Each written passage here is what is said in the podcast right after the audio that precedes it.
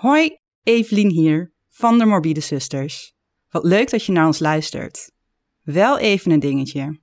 De eerste paar afleveringen van ons klinken qua geluid nog niet optimaal. Maar vanaf aflevering 6 klinken wij een stuk beter. Hou dus nog even vol. Veel luisterplezier!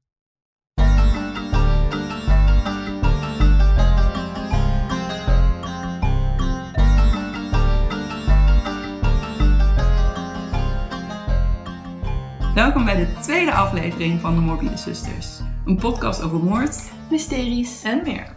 Ik ben Evelien Ik ben Kelly. En ik ben Tessa. en samen zijn wij de Morbide Sisters. Ik wil bijna zeggen, zijn jullie klaar voor? Maar jullie weten nog niet waar we het over gaan hebben. Nee, waar gaan we het over hebben vandaag? Spanning. De vorige keer heb ik jullie twee verhalen verteld over misdadigers uit Nederland. Waarvan toch misschien wel de meest bekende Nederlandse eh, seriemoordenaar, wat heel toevallig een vrouw is. En aangezien wij ontzettend feministisch zijn, nu haken er al heel veel mensen af. Maar omdat we het dus over vrouwen hebben gehad, en ik wilde een beetje in die richting blijven, Ja. gaan we het hebben over. Nou, ik denk dat dit de meest bekende vrouwelijke seriemoordenaar ter wereld is. En het is namelijk Eileen Wuornos. Ja. En die kennen jullie misschien wel van de film Monster. Ja, als je als vrouw een Oscar wil verdienen, dan eh, moet je jezelf gewoon heel lelijk maken. Ja. ja. Je moet een hele bloedmooie vrouw zijn. Charlize, of hoe heet ze? Theron. Charlize, Charlize Theron is een van de mooiste Oh, vrouwen ter ja. wereld. En die heeft een Oscar gewonnen voor haar rol als Eileen Wuornos. En Christina Ricci speelde Ty, de vriendin van Eileen Wuornos. Die ook een rol speelt in het verhaal wat ik jullie nu ga vertellen. Je moet anders maar, als je het niet kent, je moet die foto's maar eens opzoeken. Ja, Dan strik je je kapot. En dan vertel je toch maar weer even the power of make-up. ja ik moet trouwens ja. wel zeggen dat ik vond dat ze het goed hebben gedaan. Het zag er echt, eh nou ja... Want meestal vind ik in films dat ze toch nog een beetje... Te mooi. Ja, Ja, maar zij hebben haar echt wel goed afgemat. ja. dat noemen ze dan, eh, dat, dat vind ik dan een hele mooie term, dat noemen ze dan adaptational attractiveness. Omdat vaak een, een boekpersonage, ja, ik hou dus heel erg van lezen, en dan lees je dus over een bepaald boekpersonage en die is dan in het boek heel lelijk. Ja. En dan zie je de film en dan zijn ze toch iets te mooi en iets te Hollywood. Soms verpest dat ook het verhaal. Want Ja. eh, in het boek moet je dan medelijden met iemand Ja. hebben. Of dan moet het geloofwaardig zijn dat ze gepest worden om hun huid, uiterlijk. Dat ze geen partner kunnen vinden, dat ze onzeker zijn. En dan zie je de film en dan denk je... Nou, daar geloof ik niks van. Zo bij Hermione toch? Maar die is dan wel weer zo... Was, zij was weer zo erg Hermione dat het dan weer... Ja, zij, is, zij is een van de grootste Ja. voorbeelden van Ja. adaptational attractiveness. Ja. Maar Tyrion uit Game of Thrones ook. Maar we hadden het over Eileen Wuornos. Ja. En ik noemde het al, zij is dus naar vermoeden de meest bekende vrouwelijke seriemoordenaar ter wereld. En dat komt ook wel omdat zij vrij uniek is als vrouwelijke seriemoordenaar. We hadden het de vorige keer over Goeie Mie. En die gebruikt arsen als eh, moordwapen. Ja. En toen hebben we het erover gehad dat dat voor vrouwen stereotyperend Ja. is wanneer Ja. zij eh seriemoorden plegen. Arsen gebruiken en kennis eh, en familieleden omleggen. En vooral toch ook gewoon überhaupt een vorm van gif. Ja, een gewoon gif inderdaad. Sorry, ja. Eileen Wuornos is heel erg uniek. En zij wordt daardoor... Zij werd toen, want het is rond de jaren 90 1990 dat het allemaal is gebeurd. Toen werd zij de eerste echte vrouwelijke seriemoordenaar genoemd. Omdat zij een vuurwapen gebruikte als moordwapen. En zij eh, heeft wildvreemden vermoord. Oh. En ik vond dat erg typisch. Dat, ik had namelijk een nieuwsfragment daarvan gezien. Van Florida Nieuws, uiteraard. Florida Woman. The first real female serial killer. En toen dacht ik, wait, er zijn er meerdere geweest. Maar die zijn dus niet echt. Want die, hebben gif gebruikt. zoals net... Wauw. Typisch. Ja. Dus was- dus je bent pas een echte seriemoordenaar wanneer je eh, typisch mannelijke kenmerken hebt. Net als de vorige keer heb ik verschillende bronnen gebruikt voor het eh, voorbereiden van dit verhaal. Ehm, zowel online bronnen als documentaires. Want ik heb een reportage gekeken van A&E. Die kwam in 2003. En ik had een, eh, een documentaire van een Britse filmmaker. En die documentaire heet Eileen, Life and Death of a Serial Killer. Die komt ook uit 2003. En die is toen rond dezelfde tijd als Monster is uitgekomen. Is dit, toen was zij weer opnieuw helemaal in het nieuws. En zij heeft het zelf niet meer meegekregen. Allemaal. De documentaire en de film en zo. Spoiler alert, ze gaat dood. Ik heb Niet ook geen idee hoe oud ze was. En als dus verteld gaat, ging ze dood op haar 99ste. Maar dat zal wel niet. Eileen Carol Wuornos werd op 29 februari 1956 geboren als Eileen Carol Pickman in Rochester, Michigan. Dat is toch een eh, schrikkeldag? Eigenlijk Want ze is uiteindelijk iets van 44 geworden. Dus dan moet je gedeeld door 4 doen. En dat was haar echte leeftijd. Misschien is ze daarom Misschien is ze wel de jongste vrouwelijke seriemoordenaar. Ja, er misschien is ze daarom zo boos. Ze kon maar eens in de vier jaar verjaardag vieren. Ik denk dat dat al niet gebeurde. Want haar leven was vrij treurig. En echt al voordat ze was geboren was het een beetje treurig. Eh, want haar ouders waren Diane Wernals en Leo Pittman. En Diane was 14 en Leo was 16 toen ze met elkaar trouwden. En echt tegen de wil van de ouders van Diane in. Die wilden dat absoluut niet. Want Leo was op 16-jarige leeftijd al een beetje een eh crimineeltje. Een boefje. Ja, een, een boefje. Dus de ouders van eh Diane zagen het ook echt niet zitten dat zij op 14-jarige leeftijd met hem ging trouwen. Maar nu vraag dat ik me af. leerlingen van mij in de, wat is het, tweede, derde vierde. vind Ja, dat ze dan trouwen. Echt- Ik Twee blijf- jaar later hebben ze twee kinderen. Oh mijn god. Ik blijf het ook absurd vinden dat als je kijkt naar... Als we denken over eh, kindbruiden, hè, dan denken we heel vaak aan, aan weet je wel, van die landen waar het allemaal wat minder is. Maar in, In de de landen waar het nog steeds gebeurt, is het Verenigde Ja, Staten. daar gebeurt het meer dan dat je zou denken. Ja, en dat wordt zo onderschat. Maar wat ik me dus afvraag, die ouders waren er heel erg op tegen. En ze zijn dus getrouwd. Nou, die zullen dan ergens in 1953 of zo getrouwd zijn. Kun je dan op 14 jaar, dat heb ik daarom niet opgezocht. Maar nu, als jij minderjarig met wie wilt trouwen, moeten Moet je, je ouders. hebben, ja. Dus misschien dat dat dan wel kon, dat ze dan 14, 16 zijn. Ik vond dat wel Nou, interessant. heb ik ook twee kinderen op de basisschool gehad die ook met elkaar trouwden bij de McDonald's. Dus misschien is het niet echt trouw, maar dat zal je anders zou het niet officieel ergens nee, ze hebben wel echt een. officieel Ja, ja, zijn gehad. Oké. Marriage license. Ze hebben, ja, precies, wel een license en alles. En al vrij snel in hun huwelijk kreeg het stel twee kinderen. Eerst kreeg ze Keith. Ja. de één jaar oudere broer van Arlene, die is dus geboren in 1955. En natuurlijk Arlene zelf in 1956. Wat wel sneu is, maar ook wel heel erg tekenend voor het leven van Arlene, is dat vlak na de gebeurte van Keith, dus van haar broer, werd Leo, haar vader, al heel vaak opgepakt. Hij was natuurlijk al een boefje. Hmm. En hij werd regelmatig opgepakt. En toen op een gegeven moment heeft de rechter besloten van... hey Leo, jij kan kiezen of je gaat de bak in of jij gaat eh, leger in. Persoonlijk zou ik dan daarvoor kiezen, want dan, Ja, heb, je geen, want dan heb je geen strafblad. Ja. dan heb je een Ja, toekomst. maar dan, ja, en dan heb je ook gewoon een baan en stabiliteit. Klopt. PTSD een. En hij heeft er dus voor gekozen om eh, zich aan te melden bij het leger. Om zo dus de zelfstraf te voorkomen. Toen hij leger inging, toen was Diane net zwanger van Eileen. Oké. Dus Eileen heeft haar vader eh, nooit gekend. En dat komt ook omdat Leo op een gegeven moment is hij wel de gevangenis ingegaan. Vanwege seksueel misbruik van een zevenjarig meisje. Oh, wauw. Ja, Dus met- ja, niet gemeen beeld, maar misschien ook maar beter dat hij niet nou daar gaan we het zo meteen over hebben. Oh, Over, want, niet te eh, vroeg juichen. Niet te vroeg juichen. Want zoals ik al in het begin al zei, ze heeft een heel treurig leven gehad. Wordt alleen maar erger.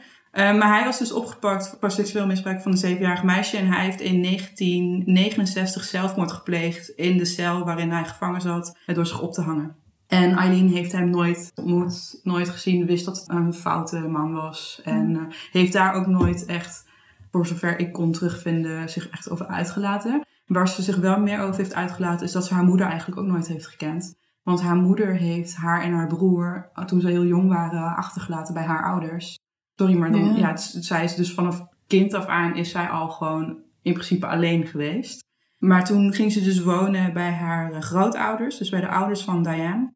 Ik moet even teruggaan naar eh, iets wat wel belangrijk is namelijk. Want die vader was dus al niet betrokken bij de hele zwangerschap. Dus Diane stond er alleen voor. En in die documentaire die ik heb gekeken, op het einde is die moeder dus aan het woord, Diane. En die vertelde over de bevalling dat die heel erg zwaar was. En dat die zo zwaar was dat de dokter het niet alleen aankon. En die moesten heel veel andere artsen inschakelen. Omdat Eileen lag verkeerd in de buik. Ja, dat kan heel heftig Ja, zijn. het was één groot drama. Dus bijna is ze wel gegaan. natuurlijk bevallen of Ja. keizersnee? Nee, ze is natuurlijk bevallen. Oh. Ze hebben het eh, weten te draaien. Ja, ze kunnen een kind nog draaien, maar Ja. dat is best wel een moeilijk en vervelende ervaring. En die moeder denkt ook dat bij die bevalling dat Eileen hersenschade heeft opgelopen. En dat weten jullie misschien al wel, maar bij heel veel seriemoordenaars kunnen ze terugtrekken in hun jeugd dat ze op een moment hersenschade hebben gehad. En brain injury is vaak een onderdeel van dat leidt tot sociopathie. Maar goed, de ouders van Diane hebben Eileen en Keith geadopteerd. De moeder van Diane heette Britta. De vader heet Laurie, dus de grootvader. Op 18 maart 1960 zijn Eileen en Keith officieel geadopteerd door Laurie en Britta. En nou ja, toen was Eileen vier jaar oud. Dus zij heeft wat dat betreft alleen maar haar grootouders als, uh, als ouders gekend. Eileen is toen ook samen opgegroeid met de broer en zus van Diane. Oh ja, want die zijn dan waarschijnlijk nog niet zo oud. Nee, die waren ook niet zo oud. Die waren allemaal tieners. Dus uh, Ja. dat lag allemaal een beetje hetzelfde leeftijdsverschil tussen mij en mijn oudste twee broers. Jij, Kelly, maakte net de opmerking van... het is maar goed dat die vader van Eileen nooit thuis is geweest. Want hij is dus opgepakt voor het seksuele misbruik van een zevenjarig meisje. De opa? Ja, Oh, Ja. Ja want haar leven bij haar grootouders was nou, absoluut niet makkelijk. Zowel Laurie als Britta waren verslaafd aan alcohol. En Laurie was super strikt. En dat wordt in de documentaire ook meerdere keren verteld door vriendjes van de jeugd, weet je wel, van vroeger, die ook zeiden van nee, we hebben echt gezien dat die vader haar fysiek, de, de- ja, vader slash grootvader haar fysiek mishandelde. Dat wist iedereen ook. En dan kun je zeggen van ja, dat was in die tijd was het anders, maar dat neemt niet weg dat dat verschrikkelijk is. Maar Arlene zelf claimt dat haar vader haar seksueel misbruikt heeft. Oké. Eh, haar opa bedoelt ze. Ja. Ja. Ja, dus haar, wat zij ziet als haar vader. Maar dat is inderdaad haar, Laurie, dat is haar grootvader. Inderdaad, is een Ja. beetje verwarrend. Ja. Maar zij refereert naar hem soms naar als grootvader, soms als vader. Het is een beetje... Bij deze, de echte vader is dood, dus vanaf nu is het altijd gewoon Die, nergens. die was weg, die bestond niet. En die moeder was ook uit beeld. Ja. Dus ze had alleen maar haar grootouders. Dat waren haar ouders eigenlijk. Zij claimt dus dat Laurie haar seksueel heeft misbruikt. En zij vertelde iets heel erg specifieks. Namelijk dat voordat hij haar sloeg, zou hij haar elke keer hebben gedwongen om zich uit te kleden. Oké. Als manier om haar extra te vernederen. Hm. Een paar dingen over Eileen. Zij is ook niet de meest betrouwbare narrator. Zij is niet een stabiel persoon. Hm. Uh, maar hoe meer je over haar leven te horen krijgt zo meteen, hoe meer je snapt dat zij geen stabiel persoon is. Het blijft altijd lastig te weten wat, hoe wat is Ja, gebeurd. je weet het niet. Ja. En ook zoveel jaar later, mensen gaan zich dingen anders herinneren. Precies, want elke Ja, keer als je, als je opnieuw herinnert, herinner je de laatste herinnering. Dus het wordt elke keer anders. Wat ik wel interessant vond, is dat Eileen als kind heel veel last had van woedeuitbarstingen. Die kwamen echt uit het niets.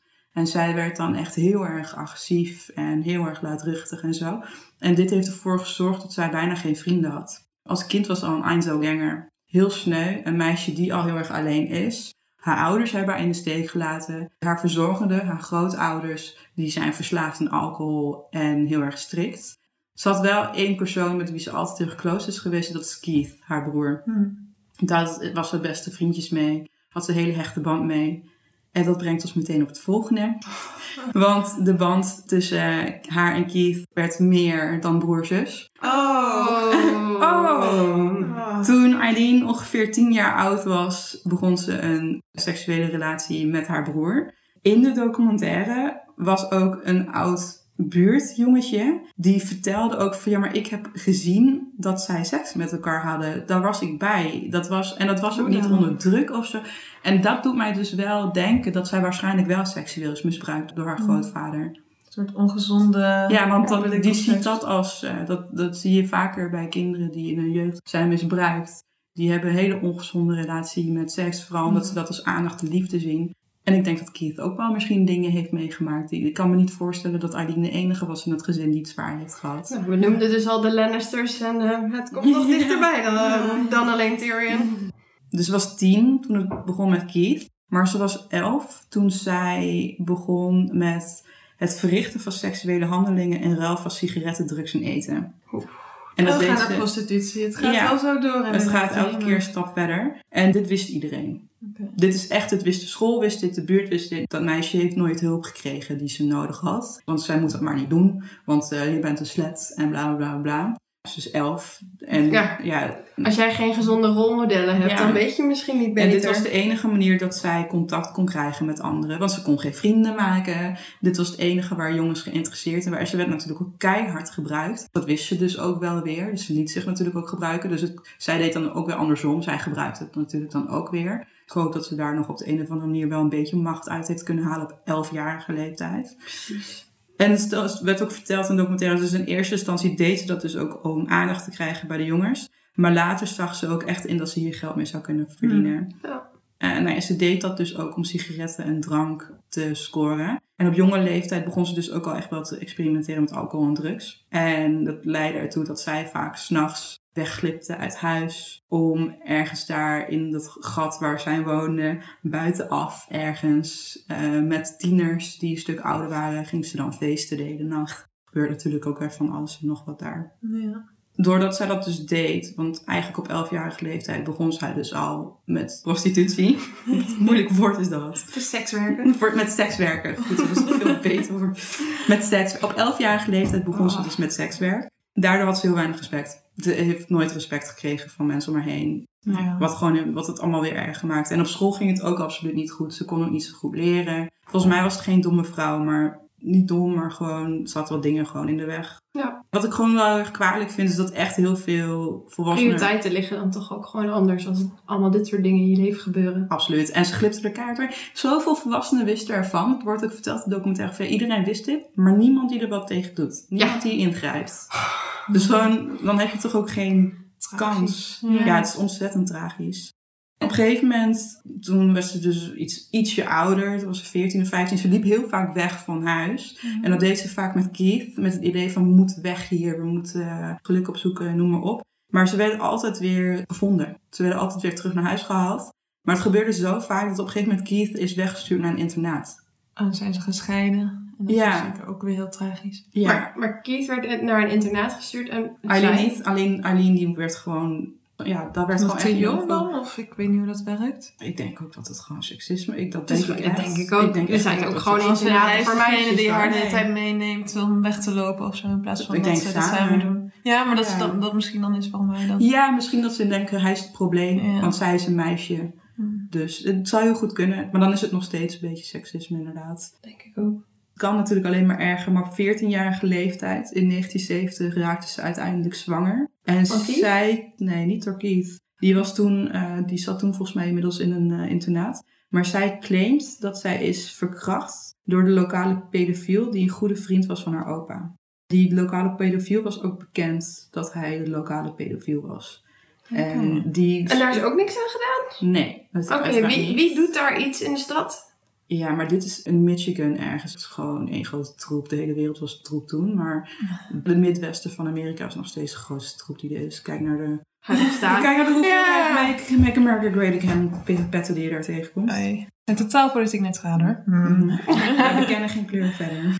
Op 23 maart 1971 is zij bevallen van een zoontje in een speciaal tehuis voor ongehuwde moeders. Ja. Zij moest het zoontje afstaan ter adoptie en dat moest van haar, eh, van haar opa, van Laurie. gebeurde vroeger heel veel. Ja, ik denk ook dat dat het beste is in dit geval. Ik denk ook niet dat je haar Moeder moet net kind op eh, 14-jarige leeftijd onder zoveel...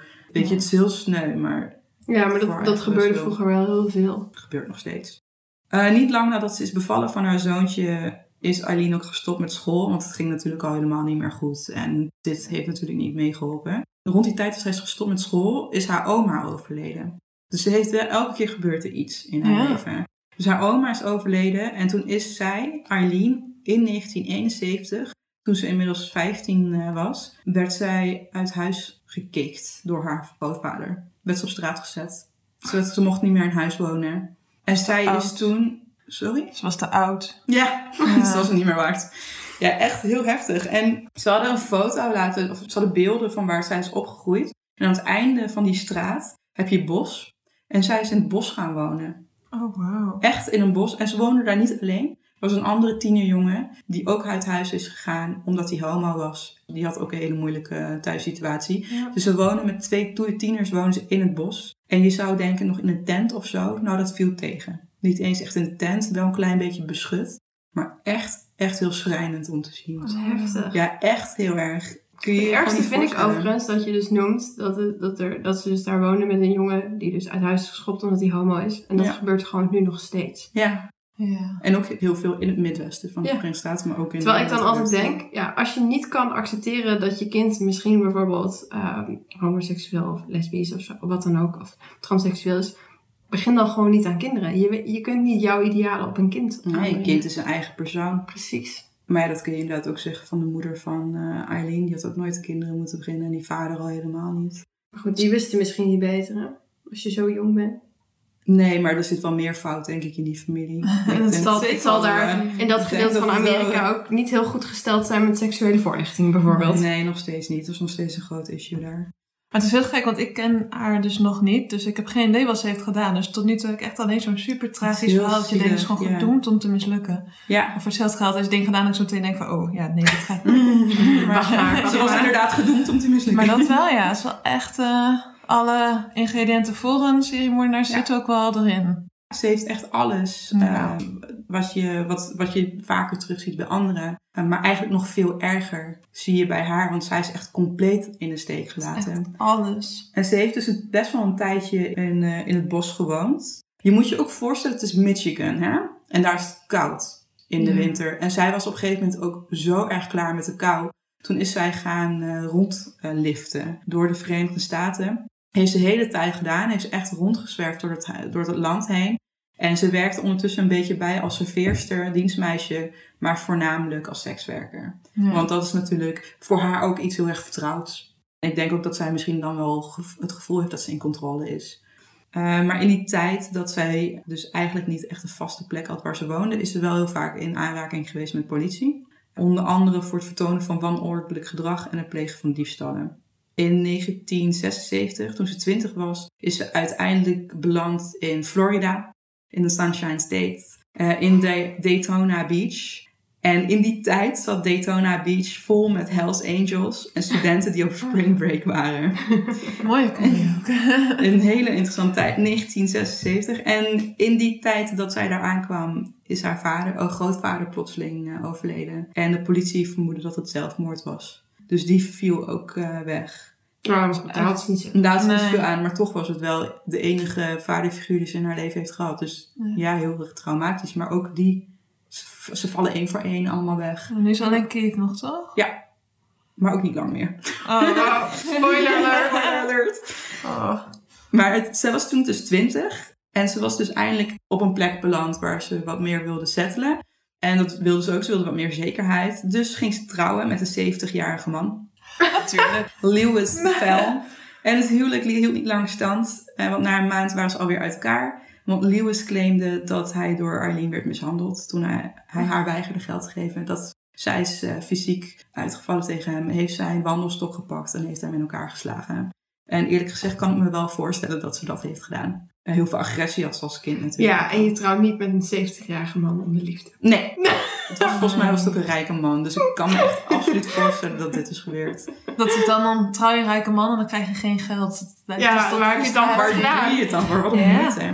Maar rond de tijd van de scheiding is Keith overleden. Oh, aan eh, keelkanker. En nou ja, dat kun je je wel voorstellen, maar dit kwam echt als een gigantische klap bij Ja. Arlene. Eh, want ze had dus eindelijk het plan van, nee, ik wil meer stabiliteit en ik wil meer vastigheid. Maar toen viel Keith weg en toen is zij weer helemaal van pad afgeraakt. En ze viel dus weer in oude patronen. Ze ging eigenlijk weer precies verder zoals ze altijd heeft gedaan. En dus ook weer terug de straat op en als sekswerker weer aan de slag. Op 22-jarige leeftijd, dus dat zou in 78 zijn geweest, werd het haar te veel. Ze heeft een vuurwapen gepakt en zichzelf in haar onderbuik geschoten. Ze was dus hartstikke suicidaal. Zij is toen opgenomen in het ziekenhuis. En dat, op een gegeven moment herstelde dat. Maar ze heeft nooit psychische hulp gekregen. Ook al heeft zij meerdere zelfmoordpogingen gedaan. Maar ze heeft dus ook hier is er weer niks mee gedaan. Terwijl als er iets een noodkreet is, lijkt Dan het wel dat je jezelf in je ja. onderbuik eh, schiet. Zelf maar wat een aparte plek ook. Denk- ik denk denk meteen je- aan, aan vruchtbaarheid en Ja, dingen. dat dacht ja. ik ook. Dat is het eerste wat ik dacht. Dat is zo Maar- specifiek. maar- Daar zit ook het, ja. Maar vrouwen, want er worden heel vaak statistieken geroepen dat natuurlijk mannen eh, vaker succesvol zijn in zelfmoord plegen. Maar vrouwen doen dat vaak ook op een andere manier dan mannen. Hè. Dan pakken ze ook eerder vergif. Of waarin een man zichzelf eerder door zijn hoofd zou Ja. schieten, doen vrouwen dat niet. Hm. Dus ik denk dat het ook daarmee te maken heeft. En dat dat ja, die suicide rate ook beïnvloedt. Nee, en ik denk gewoon dat zij, zij wilde gewoon hulp. Ja, ja en vaak is het ook een, een, een, een, een schreeuw om hulp. Ja, Maar überhaupt, als mannen en vrouwen zelfmoord plegen, is er ook een verschil in hoe ze ja dat doen. klopt. Nee, vrouwen doen meer pogingen en, eh, en mannen zijn meer resoluut. Ja, en er, er was ook zo'n theorie, ik weet niet of we dat moeten geloven, dat vrouwen zichzelf liever niet bijvoorbeeld door het hoofd heen schieten. Want je hoofd, je gezicht, is toch een beetje Was dus. Wordt, dat, was, wordt dan bestempeld als een soort van ijdelheid. Ik weet niet of we dat moeten geloven. Ja, dat weet ik maar... ook niet. Ik denk dat het heel erg persoons, eh, dat het per persoon eh, verschillend is. Dat kan bij mannen misschien ook wel een, eh, een ding zijn. Ja. Ook Vervolgens op 25-jarige leeftijd besloot ze een kleine supermarkt te overvallen met een vuurwapen. Een bewapende overval. Vrij groot iets om te doen in de ogen van de wet. ja. Het is ook heel raar in mijn hoofd. Ik weet ook niet waarom. Maakte ik nog de zin af als ze was van plan een supermarkt te openen. En zij overal dacht ik, oh ja, nee, natuurlijk. En dat was het einde van het verhaal. jij, jij, denkt, jij denkt dat dit een, dat een happy ending ik, ik had ergens denk ik onbewust nog hoop. Maar nee. Na de overval eh, duurde het niet lang voordat ze was opgepakt. En ze werd veroordeeld tot drie jaar gevangenisstraf. Tijdens die gevangenisstraf heeft zij zich gestort op de Bijbel en religie. En ze is echt tot aan haar dood. eh, er, zijn echt, er zijn veel videobeelden van haar in de, eh, in een rechtszaal. En ze heeft het altijd over God. En ze had God er altijd bij. En het is best wel het is echt gewoon insane hoe zij het Mm. erbij had. Het is niet helemaal Een gezond. soort houvast toch? eh, van Ja. Iets wat misschien nog positiviteit kan brengen. Ja, ja dus, en ik denk dat zij dat ook heel erg nodig eh, Eh, op 27-jarige leeftijd kwam ze weer vrij. En nou ja, toen ze vrij kwam, heeft ze zich echt weer volop gestort op eh, alcohol, drugs en, eh, en het sekswerk. Oh, wat vond God daarvan? Ja, die vond het chill. You go, Eileen. Go get him, girl. Go on, Eileen. Oh mijn god, wat nu past. Oké, dus eh, ze kwam weer vrij. En nou, lijkt me nu best wel duidelijk dat Eileen nooit echt contact met iemand heeft gehad. Zeg maar oprecht een connectie met iemand heeft gehad, behalve Een met gezonde Ja, connectie. precies. En zij voelde zich dan ook absoluut niet door mannen geaccepteerd. En omdat ze zich niet door mannen geaccepteerd voelde, besloot ze het eh, over een andere boeg te gooien. Wie weet, kan En- altijd. En toen, en toen heeft ze zich gestort op vrouwen. Wat ik hier een klein beetje storend aan vind, is dat dit het beeld bevestigt dat sommige mensen hebben dat homoseksualiteit Ja. een keuze is. Het is geen keuze. Er was mee geboren. Ik kan me voorstellen dat Eileen zo ontzettend alleen was en zo erg op zoek was naar de connectie dat het voor haar niet meer uitmaakte. Dat ging om een mens en niet om het eh, geslacht. Hoe deed ze dat dan? Even Vertellen, zo deed ze dat dan. een beetje op een stereotype manier. Maar zij besloot om maar gewoon bikerbars af te gaan. In Florida uiteraard, in de buurt van Daytona Beach. En inmiddels is het 1986. En in een van deze barren waar zij kwam, was ze dus inmiddels 30 jaar oud. Zij kwam daar de 24-jarige Tyria Moore tegen. En Tyria heeft de bijnaam Ty. Soms zeg ik Tyria, soms zeg ik. Oké. Eh, allebei is dus het, eh, hetzelfde meisje. Eileen kwam haar tegen. Ze hadden meteen een connectie. Ze zijn meteen samen naar huis ingegaan. Zoals eh, schijnbaar stereotyperend is voor lesbiennes, zijn ze ook meteen bij elkaar ingetrokken. Het zijn heel lesbiennes. Het is een stereotype, maar stereotypes komen ergens vandaan. In dit geval absoluut. Of ja, ze zijn dus ingetrokken bij elkaar. Alleen ze Er hadden er ook een kat. Nee, helaas Of een niet. chihuahua, dat zie je ook vaak. Helaas niet. Zoveel geld hadden ze niet, Kelly. En ze hadden ook geen vaste eh, plek waar ze wonen. Want soms sliepen ze bij mensen op de bank. Soms wonen ze in het eh, bos. En soms wonen ze in een eh, trailer of in eh, motels. Dus het heeft een beetje als nomade. Hmm. Maar dat is, heeft Eileen natuurlijk altijd gehad. Overdag liep Eileen langs de snelweg. Om dan daar klanten op te pikken. Oftewel haar Johns pikte ze op. En op deze manier verdienen ze per week toch wel een paar honderd dollar bij. Misschien vraag je je nou af, wat doet Tyria dan? Geen flikker. die maakte soms gewoon bij een hot- eh, motel, maar die verdiende eigenlijk niks bij. En ik vind het een beetje raar, want die Tyria die komt ook, of Thai moet ik eigenlijk zeggen, die komt dus ook terug in de documentaire. En die, die claimt dus dat zij aan het begin niet wist dat Eileen sekswerker was. Dat had ze niet geweten. En toen later claimde ze van ja, en ik heb haar gesmeekt om het op te geven. Maar dat wilde ze niet. Dat ik dacht van, ja, vind ik allemaal erg makkelijk. Ja, Kan natuurlijk als ze zegt, oké, ik ga naar mijn werk en dan Ja, dat je Maar- niet zegt wat je doet. Ik bedoel, misschien wel het heel kan. makkelijk is om maar gewoon te zeggen, oh, er komt geld binnen, ik vraag niks. nou, ik maar denk, ik denk wel vooral dat, je dat. door hebt dat het niet een normaal baantje is. En ik denk, hoe meer ik je vertel over Eileen en Tyria, hoe meer je een beeld gaat krijgen van Oké. eh, Tyria, of Ty moet ik eigenlijk zeggen, want zo noemt zij eh, zichzelf. Ze hadden een hele intense relatie. Eh, maar nog steeds had Eileen heel veel last van woede aanvallen. Dus de relatie was niet altijd even makkelijk, uiteraard. Kun je je voorstellen dat Eileen ook niet de makkelijkste vrouw is die er is. Nee. En ze hebben altijd geldproblemen gehad. En Eileen was super bang dat ze Ty kwijt zou raken vanwege het geld. Dus ze voelde altijd heel veel druk op zich om genoeg geld binnen te halen. Ondanks dat Ty dus niet zoveel deed om geld te verdienen. Eh, ja, die maakte dus soms motelkamers schoon. Maar eigenlijk waren ze afhankelijk van het eh, inkomen van Eileen. Dus niet gek dat Eileen nog een beetje verlatingsangst heeft eh, gekweekt de afgelopen... Heel afgelopen 30 jaar. Ja. Niet heel gek. Hartstikke Nee. sneu. Ja. Wat wel een beetje een, een ding was, was ze waren afhankelijk van het geld van wat Eileen dus verdiende met sekswerk. Ze is nu dus 30 en het was, als je foto's van haar Oh. van vroeger zag, was ze best wel op zich wel een aantrekkelijke vrouw. Maar ze heeft zo'n zwaar leven geleid dat ze op 30-jarige leeftijd niet meer eruit zag als. eh, Ik net, ga je me nou nu zeggen, Evelien, dat je vanaf 30 te oud bent voor eh, het Nee. leven? Ik bedoel, voor Ja, sekswerk maakt voelt- niet vooruit, maar... Voelt de vrouw van 30 zich heel erg aangevallen nu? Eh, heel erg. Ja, Nou, het als wel- enige vrouw van 30 zijn hier. Ik heb, ik heb nog drie maanden en dan houdt het op. Wacht maar. Ik heb gelukkig nog twee jaar te Ehm, Is het nu al, zeg maar, ehm, want in de film had ze natuurlijk bijna een monster. En eh, eh, je denkt ook meteen aan, weet je wel, het beeld dat je van haar hebt in de film. Is, het een beetje vergelijken met... Ze ziet, er al wel, ze ziet er al wel wat meer zo uit. Ze zag er gewoon, want ze heeft zoveel drank en eh, drugs misbruikt. En ze woont in Florida, kan ook niet goed zijn voor je huid. Nope. En, Beste mensen, zonnebrandcrème is de beste anti-rimpelcrème. Absoluut. Niet gesponsord. En zij heeft, weet ik 100% zeker dat zij meerdere psychische ziektes heeft die niet behandeld zijn. Ik las overal dat zij best wel succesvol was verder als sekswerker. Maar het werd nu steeds moeilijker voor haar om klanten op te pikken. Dus er kwam ook steeds minder geld binnen. En dit zorgde natuurlijk wel voor stress. Ja. Want dat, is een heel punt natuurlijk. Geld is bij haar altijd een probleem geweest. En dit is het moment dat ze overgaat op haar, mis, haar echte, echte, echte misdaden. Namelijk de seriemoorden. De eerste, daar was heel veel eh, over te vinden. Er werd ook heel veel over verteld. En die komt ook heel erg nadrukkelijk in de film terug. Ga ik zo meteen, wanneer zij eenmaal is opgepakt en het proces begint, ga ik daar wel wat meer over vertellen.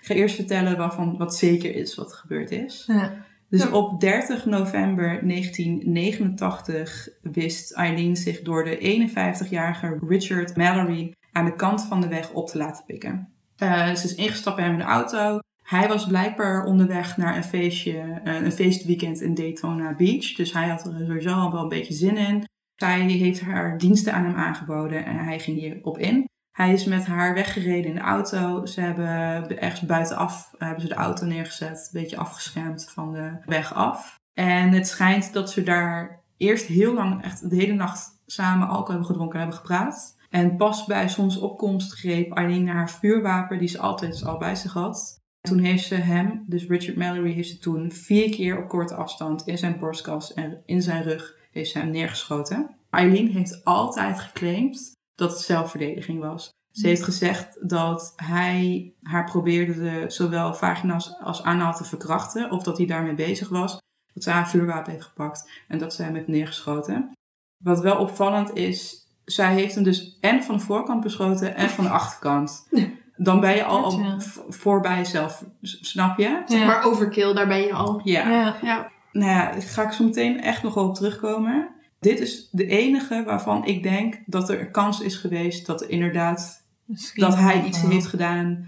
Maar ik denk ook dat zij al wel een keuze had gemaakt van tevoren van misschien moet ik er maar gewoon een één afmaken of zo. Als jij een vuurwapen bij je draagt, dan heb je sowieso de ergste intentie om iets neer te kunnen schieten. Dat Nou, daarom dat vertrouwen maar in de. VS eh, tegen Ja, dat Ik ben ook toch naar, in de VS toen, naar, in, in een stadje dat heet Savage, ben ik naar een eh, shooting range, Savage, Savage, Minnesota Savage range. ben, ben ik naar een shooting range geweest. En ja, interessante ervaring. Ja, het is toch een cultuur. Ja. Maar... Hmm. Anyway, maar goed, ik snap dan als je sekswerker bent in de Verenigde Staten en Florida, snap ik wel dat je een, een handgun, gewoon een kleine vuurwapen had, had ze altijd bij zich. Zo'n schattige, Ja. om maar zo te zeggen. Oude wapen. Ja, Om maar even. maar kunnen, echt. kunnen vuurwapens schattig zijn? Nou, ze hebben er sommige met, eh met die zijn bedazzeld en zo.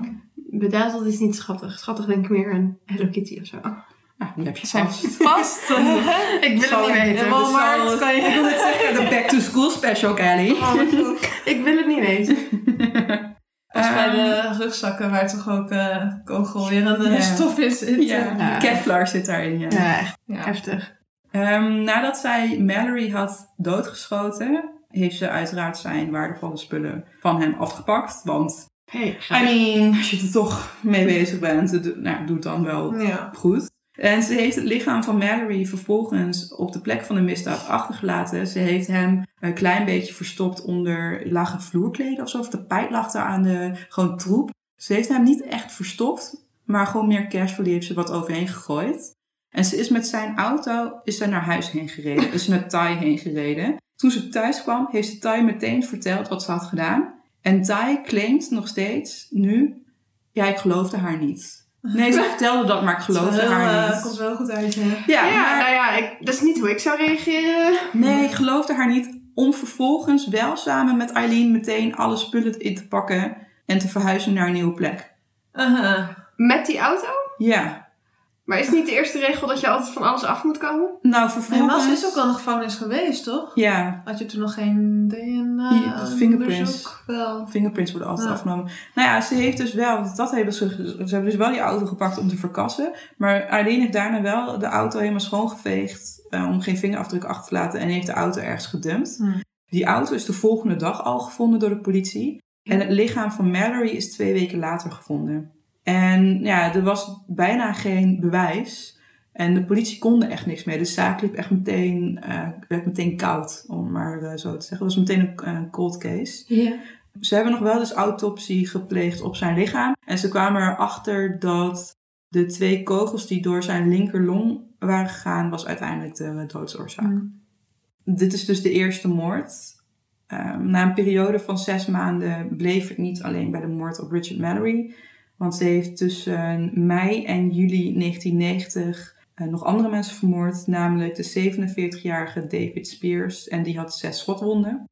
Eh, de 40-jarige Charles Carscadden. En hij had negen schotwonden. Het voelt allemaal een beetje als overkill. Ja, ze moet wel echt Ja. dood zijn natuurlijk. De 65-jarige Peter Siems. Zijn lichaam is nooit gevonden. Eh, de 50-jarige Troy Beres. Hij had twee schotwonden. Oh.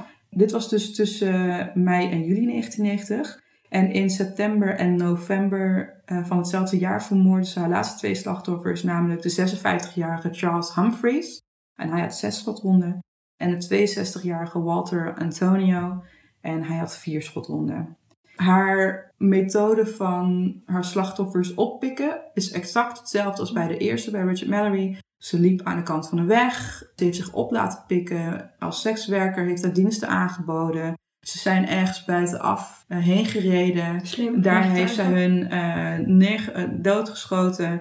Alle kostbare bezittingen heeft ze toen afgepakt. Ze heeft de lichamen daar gelaten. Behalve dus die van Peter Seams. Die is dus nooit gevonden. Maar, Maar dus ze- heeft ze ooit verteld wat ze daarmee heeft gedaan? Of? daar is een theorie over. Kom ik zo meteen wel op terug. Elke keer met alle auto's is zij dus weggereden. en die heeft zij gedumpt. Maar is dat, oh, is dat sowieso ook te denken? Want eh, het lijkt deels ook heel praktisch, want ze kan dingen jatten en dan heeft ze weer geld. Maar bij de meeste seriemoordenaars... Dus ik weet, dat vroeg me dus af of dat nou specifiek voor mannen is of voor alle seriemoordenaars. Dat er ook een seksueel element in zit. Ja. Dus zou er misschien ook, of misschien met die auto ook iets...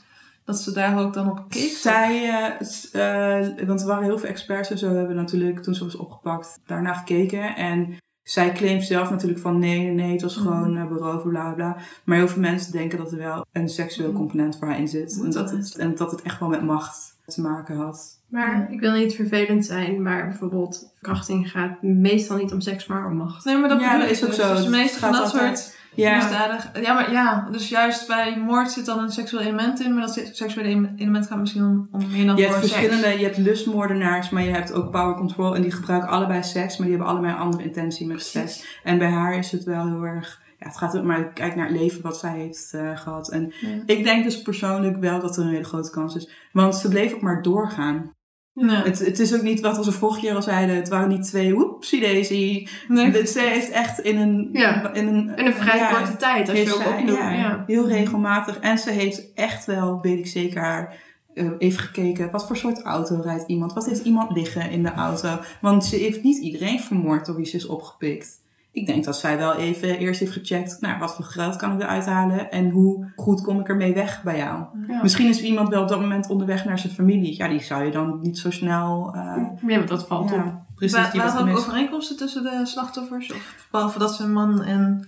De leeftijd liep ook heel erg uit. Ja, die liepen allemaal best wel uit Ja. elkaar. Ze waren allemaal zo tussen de 40 en 65. Een ander stuk ouder. Het enige is dat ze alle moorden zijn gepleegd in Central Florida. Dus misschien komt het gewoon door de zon. Ze zeggen toch altijd location, Location, location. Het heeft echt wel echt heel lang geduurd voordat de politie doorhad dat ze met een seriemoordenaar te maken hadden. En dit kwam omdat lichamen echt in verschillende counties zijn gevonden. En tegenwoordig werken de counties in Amerika wat beter onderling samen. In die tijd viel het nog een klein beetje tegen. En je moet je ook voorstellen, die slachtoffers lagen in Florida buiten. Ja, dat blijft lang, eh, Dat blijft ook niet lang goed meer. Nee. En, maar het duurde echt best wel lang dus voordat ze überhaupt ja, dat, dat aan elkaar gelinkt hadden. En ik noemde net al Peter Siems. Hij eh, was dus nooit gevonden. Ja, daar was een theorie over. En, eh, maar bij het, hem, het vierde slachtoffer is hij, is hij het bijna misgegaan. Op 4 juli 1990 reden Eileen en Ty allebei samen rond in de auto van Siems. En ze hebben toen een ongeluk gehad. Oh. En daar is de politie bij gebeld. Eileen was natuurlijk hartstikke bang. Die wist dat de politie kwam en die heeft meteen gezegd: We moeten nu weg, we moeten nu weg. Ehm, zij heeft het kenteken van de auto afgerukt en die heeft ze zo in de, in de bosjes gegooid. Vindt niemand. Valt niet op. En zij heeft dus nog wel met de politie gesproken. En heel veel mensen hebben haar ook gezien met die auto, samen met Ty. En op basis daarvan is er ook een politieschets, of een, eh, weet je wel, zo'n sketch eh, is er gemaakt. Maar zij is toen wel met Ty weggevlucht. Ze zijn wel meteen daar weggerend, maar dat was wel heel opvallend. Het duurde natuurlijk ook niet zo lang voordat de politie dat kenteken had gevonden in de bosjes. En ze konden via het registratiesysteem achterkomen dat het auto van Peter Siems was. En die was natuurlijk ook ongetwijfeld op dat moment al een Ergens dag of meerdere dagen. Ja. Maar die was al eventjes vermist. De politie wist van Eileen en Ty dus schetsen te laten maken. Omdat nou, meerdere mensen hebben hun gezien. En dat valt toch wel op. Want ze waren nogal eh, opvallend ook in hun gedrag. Ja. Vrij hysterisch. En deze schetsen heeft de politie maar in één lokale krant gepubliceerd. Omdat ze bang waren dat als ze het in meerdere kranten zouden doen, dat eh, de twee vrouwen, want ze wisten natuurlijk nog niet wie de twee vrouwen waren, dat de twee vrouwen zouden vluchten naar een andere staat. Dus ze hebben het in één kleine lokale krant gedaan. En daarbij gelaten. Maar je moet je voorstellen, op dit moment dat ze deze schets hebben verspreid, wisten ze nog niet dat het om seriemoordenaar ging. Hm. Ze hadden die connectie nog steeds niet. Ze zochten Ze hadden gewoon... alleen mensen die bij een Ja, ongeluk betrokken waren. Precies. Die, en die in een auto reden van iemand die vermist was. Dus ze dachten gewoon dat het om een gestolen auto ging. Ja, precies. Ze wisten wel een misdaad, maar verder nog niet. En pas nadat het lichaam van de laatste drie slachtoffers werd gevonden, had de politie door dat er een connectie was met de eerste moorden en het vinden van de auto van Peter Sims. Hm. Dus dat heeft best wel een tijdje geduurd. Toen ze dus eenmaal door hadden van, nou, dus een connectie met het vinden van die auto van Peter Sims, toen wisten ze van, ja, wij hebben de schetsen van die vrouwen, daar moeten we nu wel iets mee gaan doen. Dus toen hebben ze eindelijk besloten om het echt landelijk te publiceren. En dat heeft wel geholpen. Want eh, aan de hand daarvan werd Eileen herkend op straat. Inmiddels was ze trouwens wel weer alleen, want Ty was gevlucht naar een andere staat. En Eileen is gebleven eh, gewoon in Florida. Ja, Ja. Ty is wel een klein beetje een loeder, Ja. vind ik. Dus Eileen was dus weer alleen. Ze is uiteindelijk geïdentificeerd omdat zij de spullen die ze had gepakt van haar slachtoffers, daarmee ging ze naar een pandjeshuis Eh, om die te verpa- verpanden. Ja. En zij heeft vingerafdrukken achtergelaten op een ticket van zo'n pandjeshuis. En de politie had inmiddels voldoende bewijs van dat Eileen eh, de bezittingen van de slachtoffers had verkocht. Dus ze wisten ze al van, nou, dat lijkt mij Ja. best wel een grote hint. En daarnaast konden ze dus ook, eh, omdat ze dus haar vingerafdruk hadden, konden ze dat vergelijken met wat er op die auto van Peter Sims was achtergelaten. En toen wisten ze van, ja, dit is dezelfde vrouw. Dus nou ja, ze wisten nu definitief, zij is het. Ze hebben haar niet meteen opgepakt. Ze hebben eerst haar twee dagen in de gaten gehouden. Totdat ze een moment hadden van ja, nu gaan we haar oppakken. Dus op 9 januari 1991 werd ze gearresteerd in een bikerbar. En de naam van de bikerbar was The Last Resort. Uh, maar Eileen was dus opgepakt. Maar ze waren natuurlijk ook op zoek naar Ty. En dat duurde niet zo heel erg lang meer. Hadden ze haar ook opgespeurd. En hier... Waar zat Ty dan? Die zat dus in een andere staat. Weet ik niet helemaal zeker. Volgens mij was het iets van Pennsylvania of Philadelphia. Ik weet het niet helemaal zeker. Eén een van P. staat iets meer... eh, eh, wel aan de oostkust, maar dan iets meer naar het Maar- noorden maar heeft- toe. Tijn ook ergens echt iets gedaan? Of behalve vriendin zijn van? Nou, daar, kwam daar dat? gaat, daar gaat die theorie een klein beetje over. Ah, Want zij was opgespeurd. En toen heeft zij meteen tegen de politie gezegd: van ja, ik heb, ik heb hier niks mee te maken. Ik wist nergens eh, van af, behalve van de eerste moord. Dat heeft Eileen mij verteld. Ik geloofde haar niet. En op een gegeven moment geloofde ze het wel. En toen claimde zij in die documentaire die ik heb gekeken, zei ze letterlijk: ja, nee, ja, ik dacht, ach, blijf wel bij de eerste moord, is het uit haar systeem. nou, maar, deze, even nodig. hè? maar deze vrouw ik ben wel heel benieuwd naar. Want wat, het dus, want wat het dus is, want het is heel erg opvallend dat Eileen had meerdere, er zat zeven slachtoffers. Mhm. En van zes is, is altijd het lichaam gevonden en van Peter Sims is het lichaam niet gevonden. En Eileen heeft altijd geclaimd, ik heb er zes vermoord. Eentje waarvan jullie zeggen dat ik dat heb gedaan, heb ik niet gedaan. En nu is er een theorie, op Reddit, dat eh, ze denken dat Ty Peter Sims heeft vermoord. Ah. En dat dat de reden is dat het lichaam niet is gevonden. Omdat Ty misschien iets Zorgvuldiger ja, zorgvuldiger was. Ik heb niet het idee dat dat een vrouw is die de waarheid vertelt. Zij heeft hoe dan ook. Je kunt me vertellen wat je wil, maar ik geloof, ik geloof haar gewoon niet. Hm. Ik geloof haar niet. Neem niet weg dat Eileen echt een cold-blooded killer is. ja. Maar Tyria was, Ty was ook geen lievertje. Duurde niet lang voordat de politie het voor elkaar had dat Ty zich had. Ja, zij heeft keihard Eileen laten stikken. Ja, keihard. Gewoon erbij zijn. Echt keihard. Ah, De politie besloot Tyria eh, vrij te laten gaan in ruil voordat ze samen zouden werken. En dat zij de hoofdgetuige zou zijn in het proces tegen Eileen. Wat heftig. En naar eindelijk. Werd ze door, door, ook door haar weer Ja. eigenlijk Ja. verraden. Ja. Naar aanleiding van een gesprek wat Eileen met Tyria heeft gehad, en hier zijn eh hier is audio-opnames uiteraard van, heeft Eileen besloten om de zes moorden te bekennen. Maar nogmaals, ze heeft, Zes. ja, zes heeft ze toen bekend. Weet je, het hele proces was sensationeel. Niet veel later gebeurde de, de O.J. Simpson case, wat Hmm. natuurlijk ook wereld... publiek. land- eh, ja. ja. En dit was ook ongelooflijk groot nieuws. En de eerste echte Echt- vrouwen. echt vrouwelijke, Ja. Omdat, eh, ja, want het is eindelijk een goeie, dachten ze dus blijkbaar.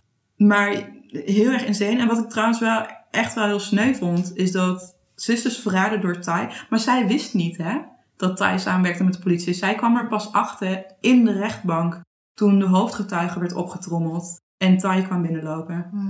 Toen pas wist Eileen van, wow, jij werkt tegen mij. Ja. En je ziet, daar zijn dus ook beelden van. En die vrouw was echt gewoon ja, emotioneel gewoon helemaal kapot. Ja. Eh, maar ze was natuurlijk emotioneel wel kapot. Oké, maar de zaak zelf was dus ontzettend sensationeel.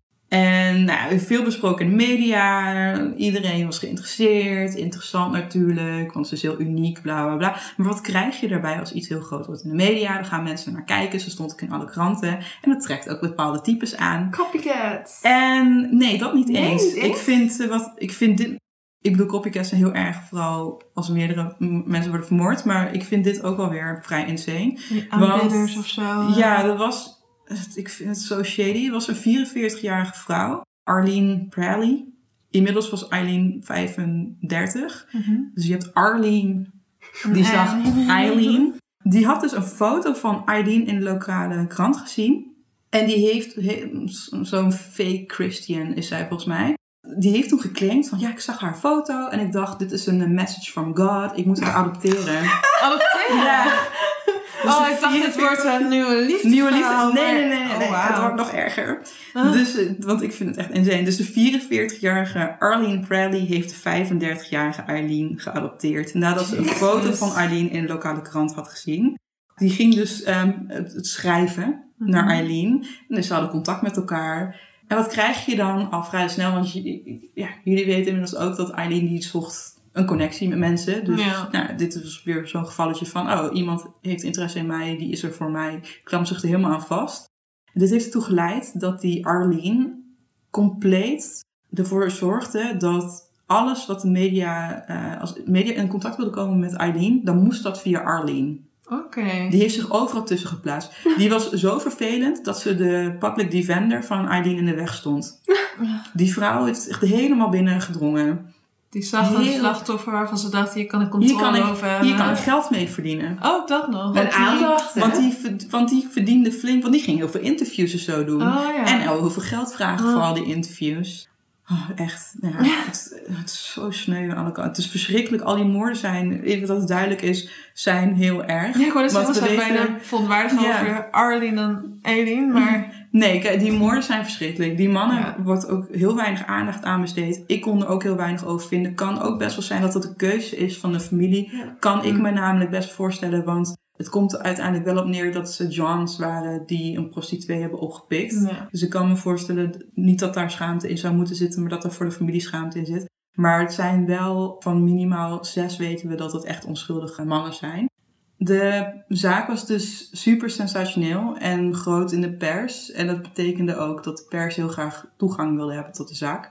En mensen die betrokken waren bij de zaak kregen van alle kanten aanbiedingen voor film- en boekdeals. Het was een heel groot schandaal, want later kwam naar boven en dat is ook bewezen dat dit het geval was. Er zijn politieagenten geweest die al bezig waren met een filmdeal voordat het proces überhaupt was begonnen. Nou ja, dat kan dus absoluut niet. Dat, dat mag ook absoluut niet voor de wet. Dit is ook echt een heel groot schandaal geweest en daar is ook een documentaire over gegaan. Staat ook op Dat is dan YouTube. weer typisch dan een documentaire over hoe ze een slaatje wilde slaan. Houd het, houd het maar niet. Er zijn zoveel reportages noem maar wat over deze vrouw gemaakt. Op 15 januari 1992 begon eindelijk het proces tegen Eileen. En op 27 januari werd zij schuldig bevonden op de moord van Richard Mallory. En de getuigenis van Ty heeft hier een hele grote rol bij gespeeld. Dus eigenlijk heeft dat ervoor gezorgd dat het vrij snel tot een eh, schuldig vonnis Hmm. kwam, uitkwam. Bij de veroordeling gaven experts aan dat Eileen borderline persoonlijkheidsstoornis had en daardoor niet geschikt zou zijn voor de doodstraf. Ja, nam niet Zo weg ben je dan niet geschikt. omdat zij eh ontoerekeningsvatbaar Oké. zou zijn, wat dat betreft. Vier dagen later kreeg ze alsnog de doodstraf. Niet alleen hiervoor kreeg ze doodstraf, ze heeft hierna nog zes keer de doodstraf gekregen. Voor elke moord heeft zij eh, de doodstraf gekregen. En dan kun je je afvragen van wat is nou eigenlijk precies het motief geweest voor alle Ja. moorden? Want Eileen heeft hier heel vaak wisselend antwoord op gegeven. En heel vaak echt, de ene keer zei ze het één, dan krabbelde ze weer terug, ging het over het anders. Ze claimde heel vaak dat het om zelfverdediging ging. Bij alle slachtoffers zei ze van nee, het was zelfverdediging. Zij wilde mij verkrachten, dus ik heb hem vermoord. Ik heb hem doodgeschoten. Op een gegeven moment heeft ze ook gezegd dus dat alleen het eerste slachtoffer, dat dat zelfverdediging was. Omdat hij haar probeerde te verkrachten. Wat hier wel belangrijk bij is, vind ik, om te vermelden, is dat Richard Mallory in het verleden vast heeft gezeten voor een poging tot verkrachting. Oh. Maar van de rechter mochten de advocaten van Eileen dit niet gebruiken. Omdat het te lang geleden of zo zou zijn geweest. Wordt niet, eh, ze mochten het niet gebruiken. Dit is ook waarom ik zei van die Richard Mallory. Die, dat, er is een kans dat daar, dat daar wel iets is voorgevallen. Maar neemt echt niet weg dat zij, hoe dan ook, maakt niet uit of hij haar wel of niet had. Zij, had hem, Ja. zij had het al lang in haar hoofd gehad van ik ga dit doen. Precies. Zij, dan kan je zij, met één keer schieten, kon je waarschijnlijk jezelf ook verdedigen. Precies. Ja. Dan gaat hij terug, kun je weg, weet ik het. Dus zij, wat jij al de hele tijd noemde, Caddy, ze heeft heel veel overkill. Het Hmm. ging echt om het doden van iemand. Ze was echt een seriemoordenaar. Later heeft ze ook meerdere keren bekend dat het echt om moorden ging en niet om zelfverdediging. Maar nogmaals, ze switchte heel vaak van vrouw. Ik noemde er net al wat over die politieagenten en dat dat een heel ding was met dat ze dus al met filmdeals bezig waren voordat het proces was begonnen. En dit is ook iets waar Eileen heel vaak, vooral aan het einde van haar leven, is, heeft ze dit heel vaak aangekaart. Zij claimde dat de politie van haar een seriemoordenaar heeft gemaakt. Dat ze Zij- geframed is. Nee. Huh? Nee, nee, nee, want dat werd gevraagd. Ja, nee, ze heeft wel zelf alle moorden gepleegd. Oké. Maar zij claimde dat na de eerste of twee, eerste twee mensen, dat de politie al wist dat zij erachter zat. Dat ze bewust niet hebben ingegrepen, zodat zij haar ding kon doen. En dat ze dat hebben gedaan, zodat de zaak steeds groter zou worden en steeds meer in de media zou komen. En dat ze een grotere filmdeals eruit zouden kunnen halen. Zo. Dit heeft zij op het einde, hier zijn beelden van. In die documentaire moet je echt even kijken hoe zij Ah. soms. Want soms is ze helemaal helder. Helemaal aan het begin toen ze vast werd gezet was ze helder. Maar ze heeft heel lang op death row gezeten. En hoe langer zij op death row zat, is hoe gekker toch? zij. Ja, oh ja. dat is heel erg. Nou ja, vooral helemaal voor haar. Geen psychische hulp. Mhm. En helemaal religieus eh knettergek geworden. Maar dat, zij heeft dus echt op een gegeven moment... Ze wil- kon alleen nog maar... het- dus als er een interview met haar was en je wilde het over haar daden hebben... zei ze nee, ik wil niet daarover praten. Ik wil alleen maar over praten over het feit dat de politie in een complot zat tegen mij. Maar is het, denk, je, denk je dat ze echt paranoïde was geworden en het gelooft? Of dat het een soort Ik van denk- indekken was? Ik denk dat zij het zelf geloofde. Oké. Maar ik denk dat dat komt omdat zij zo lang op death Hmm. row zat. Die vrouw. Want hoe die- lang heeft ze uiteindelijk op death row gezeten? Zij was in... Negen jaar of zo, toch? Eh, even hoor. Zij, want wat, zij was in 1991 of zo. 92? Ja, in 92 kreeg ze dus de doodvonnis en zij is in 2002 geëxecuteerd. Oh jezus, dat is inderdaad... Ze heeft 10 jaar op eh, death row gezeten. Dat is, dat is vrij lang. Ja. Het is duidelijk dat zij mentale problemen had. Ik denk echt dat zij wel een persoonlijkheidsstoornis had. Is dat iets wat je kan krijgen? Ik denk dat je ermee geboren wordt. Ik Ja. denk persoonlijk dat in die familie... Dat, ja, Ik denk er dat daar- een hoop aan de hand. Ja, precies. Ik denk dat er wel meer... speelt. Wat, de alcoholverslaving zat er al in. Hmm. Eh, het schijnt trouwens dus later dat die vader, de echte biologische vader van eh, Eileen, dat hij eh schizofrenie zou hebben gehad. Oké. Dus het, er zitten wel wat dingen in. Ja, want heel veel psychische dingen zijn erfelijk. Ja. Ja. Maar ik denk ook dat haar jeugd wel heel veel invloed ook verder Ja, dan krijg je dat hele nature versus nurture debate. Precies. Dus ja, zij is natuurlijk nooit mentaal helemaal gezond geweest. Maar zoals ik net al zei, op Death Row ging het heel snel achteruit. Eileen heeft uiteindelijk voor gekozen om de doodstraf niet aan te vechten. Daar zijn ook beelden van. Zij is naar de rechter heen gegaan en ze heeft gezegd van ik wil niet meer dat eh, taxpayers money wordt gebruikt. Wat wel is, is er wordt gedacht dat ze dat heeft gedaan. Want zij wilde zo snel mogelijk dood, want ze wilde naar God toe. Oké. Want ze was dus super religieus en zij was er heilig van overtuigd dat zij in de hemel terecht zou komen. Ja, maar net zeggen, want ze is... Ja. Wauw. Nee, zij was daar heilig van overtuigd. In de rechtbank heeft zij heel veel uitspattingen gehad. Heeft zij meerdere keren gezegd van ja, we zijn hier achterlijk. Ik krijg de doodstraf terwijl ik door zeven mannen verkracht ben, bla bla bla. En andere keer zegt zij in de rechtbank. Ik moet jullie vertellen dat ik het echt, eh, ik heb zeven mannen vermoord. Ik was er helemaal blij, bla. Maar tijdens eh, haar tijd op death row ging ze dus weer helemaal de Bijbel opnieuw bestuderen en lezen. Mhm. En daarnaast eh, maakte zij heel veel tekeningen. En hier komt eh, Arlene Prally weer terug in het verhaal. Want die kreeg heel vaak de tekeningen van Eileen. En die verkocht zij voor heel veel geld. Natuurlijk. En dit is dus ook waarom eh, Eileen op een gegeven moment het eh, contact heeft verbroken met Arlene. Omdat ze het gevoel had dat zij financieel werd eh, Ja, Dat is wel knap dat ze dat doorheeft. Maar ik vind het wel echt sneu dat ze zelfs nog... Eigenlijk tot aan de dood is ze gewoon door anderen gebruikt, Ja. misbruikt. Eigenlijk is de enige goede connectie die ze heeft gehad, is dan met God. Hoe erg dat ook. Ja. En haar Ja. broer, maar die was ook niet Oh gezond. ja. Nee, ja, en hoe gezond kun je dat noemen? Als je- Nee, precies. Maar eigenlijk inderdaad met God. En dat heeft zij erg nodig gehad. Een paar weken voor haar executie heeft zij een brief geschreven. En eh, in die brief heeft ze een complete bekentenis geschreven. Het was gericht aan God. En ik denk dus ook om gratie te krijgen van hem. Om, dat was haar manier om alsnog in de hemel te komen. In deze brief heeft ze alle misdaden, alle zonden die ze ooit heeft gepleegd, echt alles van kinds af aan, heeft zij opgeschreven, inclusief alle moorden. Maar alle moorden? Of... Ja, waarschijnlijk dan. Dat is dus niet helemaal duidelijk. Ik denk dan die zes moorden. Ja. Want ik denk persoonlijk, dat zie je vaak bij sommige seriemoordenaars, maar zij heeft de zes altijd bekend. Waarom zou je die zevende er dan niet bekennen? Precies. Dat, en, bij, ja, dat, en bij anderen zit er dan weer wat achter. Maar bij, het zijn allemaal in lijn met elkaar zelf. Het is niet zo dat er één jongetje van 12 of zo tussen zit, dat ze die dan ontkent. Het zijn allemaal mannen Ja. van, van tussen de 40 en Aan de 65. andere kant, dan heb je wel zeven keer doodstraf in plaats van zes. ja, ja, ja, het- je zou maar een kat zijn. Dan kun je het tenminste nog overleven. Maar zij heeft dus uiteindelijk wel meerdere keren alles bekend. En op 9 oktober 2002 om 9 uur 47 in de ochtend is zij door middel van een dodelijke injectie is zij geëxecuteerd. Hm. Ehm, zij wilde geen laatste eh, avondmaal, of geen laatste maaltijd. Ze wilde gewoon koffie. Oh, Dus ze heeft koffie gedronken. En haar laatste woorden, ik ga ze eerst in het Engels zeggen en dan doe ik de Nederlandse vertaling. Haar laatste woorden waren vrij bizar, paste wel bij haar. Yes, I would just like to say I'm sailing with the rock and I'll be back like Independence Day with Jesus. June 6th, like the movie. Big mothership and all. I'll be back, I'll be back. Ze vertelde naar het Nederlands. Ja, ik wil graag zeggen dat ik met de rot zeil en dat ik terugkom. Net als Independence Day, met Jezus. 6 juni, net als de film. Grootmoederschip en alles. Ik kom terug, ik kom terug.